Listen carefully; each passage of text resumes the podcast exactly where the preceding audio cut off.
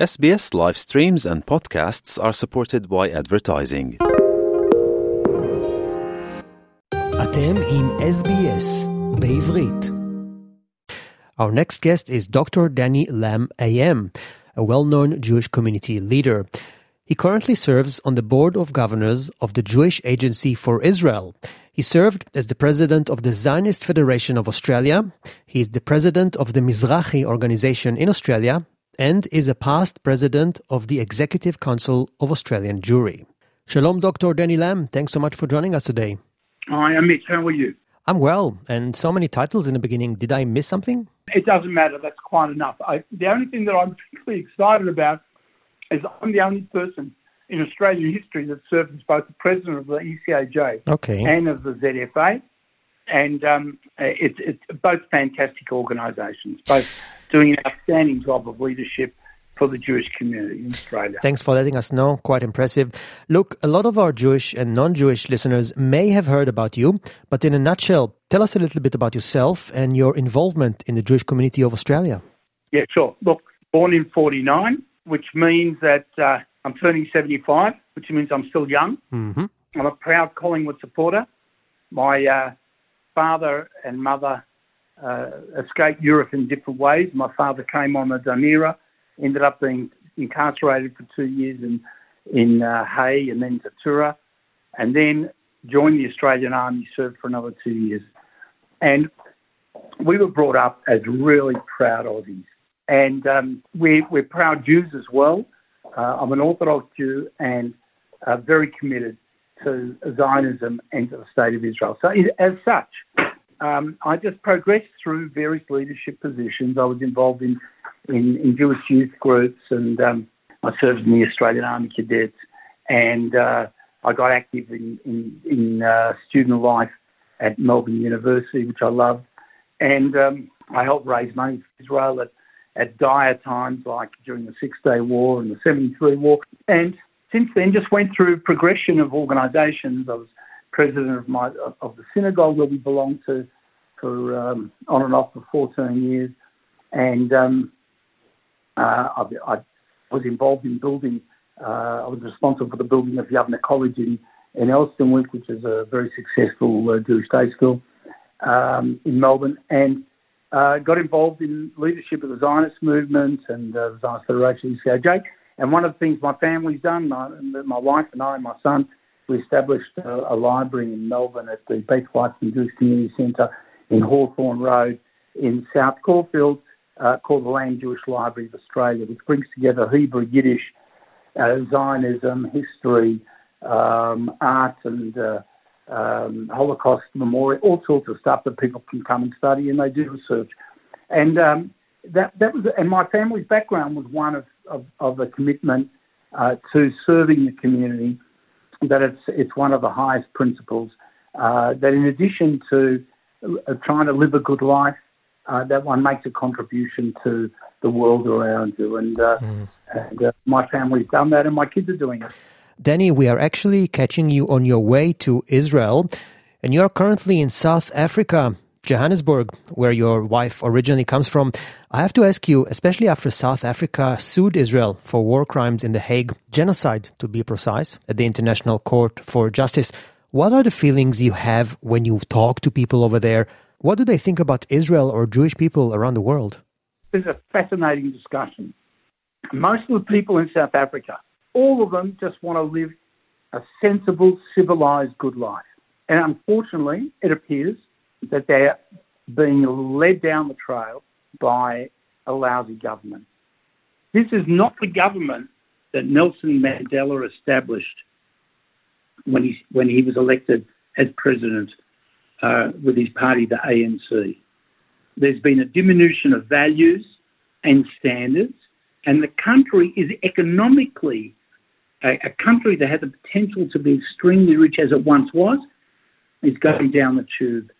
Half days without electricity, as an example, sometimes without water. A range of terrible things. High violence, high crime, incredible corruption.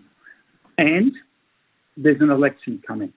Mm-hmm. And it looks like this government, this party that's been in government since Mandela was elected, is now facing the possibility that it may not get re-elected.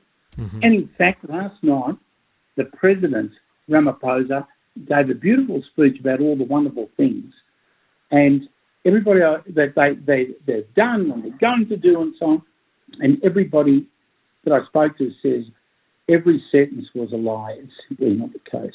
Now, in that party, there are some people who are massively anti Israel and have hijacked a, a population to present a position of being anti Israel, and very much because the government that preceded them all, the national government, was a, which was a white government, of course, strongly supported Israel. As a consequence, they've gone the other way, and that's why they took this case to the ICJ. Mm-hmm. But what is important to note is it's believed that they did this on behest of Iran, because Iran has pushed through funds into the economy here to give this government a better chance of re-election. And as a price of that, they, they took this case to the ICJ. Danny, what is the experience from your daily interactions with people in South Africa? My experience with the people of South Africa, they're not anti-Israel at all. Mm-hmm. And by the way, I have to say, my personal experience is I haven't seen any anti-Semitism either. So it's not coming from the people; it's coming from the government. Maybe they think that this will help them with their electoral prospects, and the community is going well. Everything's going fine, and um, we just hope that the. In, in my experience, the concern that people have about anti-Semitism is anti-Semitism flourishes where leadership makes it possible to happen. So if this government decides that it's going to enable that type of activity, then it'll happen. Look, I would like to ask you now about the events uh, in Israel, the war. It has badly affected every Jew and many non Jews in Australia. What could you say about the nexus of the Australian Jewish community to Israel in that light? Look, the Australian Jewish community are tremendously connected with the state of Israel. They're great supporters. Most Jewish Australians who could afford it have visited Israel. Mm. That's not the case in other parts of the world. So people are very committed here. And for most of the last few decades in Australia, we've all lived in a, in a country where the governments, be it Conservative or Labor, have bilaterally supported Israel. And I think that that represents, well, not just the Jewish community feels, but also the wider Australian community. There's a great understanding for the, for the miracle of, of what has taken place in Israel. What does the community in Australia do in order to help uh, Israel, the hostages, or the families? There are a lot of things that are happening that are not published in the media, for example. When you're 12,000 kilometres away, whatever the, the distance is, uh, it's hard. Uh, there are some people who, who have gone over there to help um, and directly help families. Uh, some people have housed displaced families. There's been multiple GoFundMe type uh, operations to raise money yep. for a whole variety of needs, including direct assistance for both people who lost family and, and people have been displaced from their homes. 250,000 Israelis are displaced from their homes from the south and the north. the south from the rockets of the fighting from the Hamas in the north, from the potential of the and the actual shooting of rockets from the Hezbollah. Um, and all these people have had for months. And we were there during the war, my wife and I, and occasionally we stayed in the hotel, and uh, we were the only uh, uh, tourists, so to speak, in the hotel, and the rest of the hotel was full of families mm. that came from displaced cities. And, and people are doing it very tough. So people in Australia are definitely trying to help um, in many ways. And it's not just Jewish people, there are very many uh, Christian friends of Israel and Christian Zionists who are contributing as well and helping out. But the rebuild is just going to be staggering the cost. Mm-hmm. What do you think of the ways that the current Australian government or the media are doing to support the Jewish community of Australia? The, the, the, the government's behaviour has been fairly appalling, in my opinion. It's just been appalling. It's been hopeless. It's been left wanting. And of course, there are some elements of media who are exactly the same. But there are some parts of the media who, who uh, uh, represent what I believe is the civilised voice of Australia, and you'll find that um, in the in the uh, articles uh, that you can read from uh, in the Australian from a, a plethora of, of, journalists there, the Gerard Henderson and Janet Albrechtsen and Henry Ergas and Gemma Tognini and and uh, and many others there uh, uh, who who see the wood for the trees and, and, and see the truth. Um, and and I think that uh, there's been an attempt, um, and and the social media provide that. You know that there's a, there's a, there's something called TikTok, and and the son of a friend of mine identified that the ratio of pro-Palestinian to pro-Israeli reels that came out on TikTok was 54 to 1. And when they went to the administration of TikTok, initially TikTok denied it, and then it was proved to them, and then um, they um, they analysed it, and they found repeat thousands and thousands and thousands of additions being put in to TikTok, which over uh, you know which overbalance yes. the normal, and after a bit of work, it reduced down to nine. Okay. In the beginning of our conversation, I mentioned that you are actually on your way to Israel and we are speaking to you from Johannesburg, where you do a stopover. What is the purpose of your visit to Israel this time?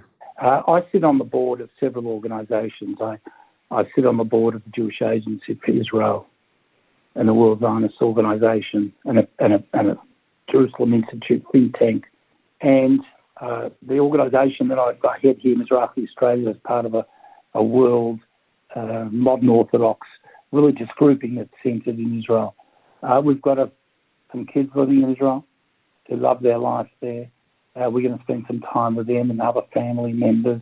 I'm going to go to all the various board meetings and I'm going to try and contribute in some way towards either the displaced families or the families who've lost. I mean, one of my close friends is Rabbi Doron Perez, and uh, his son as, is one of the hostages, and, and we try to give him as much support as well. Mm-hmm.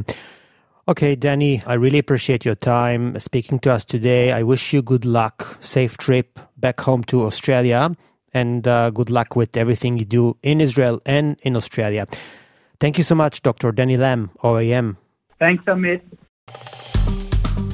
עקבו אחרינו והפיצו אותנו דרך דף הפייסבוק שלנו.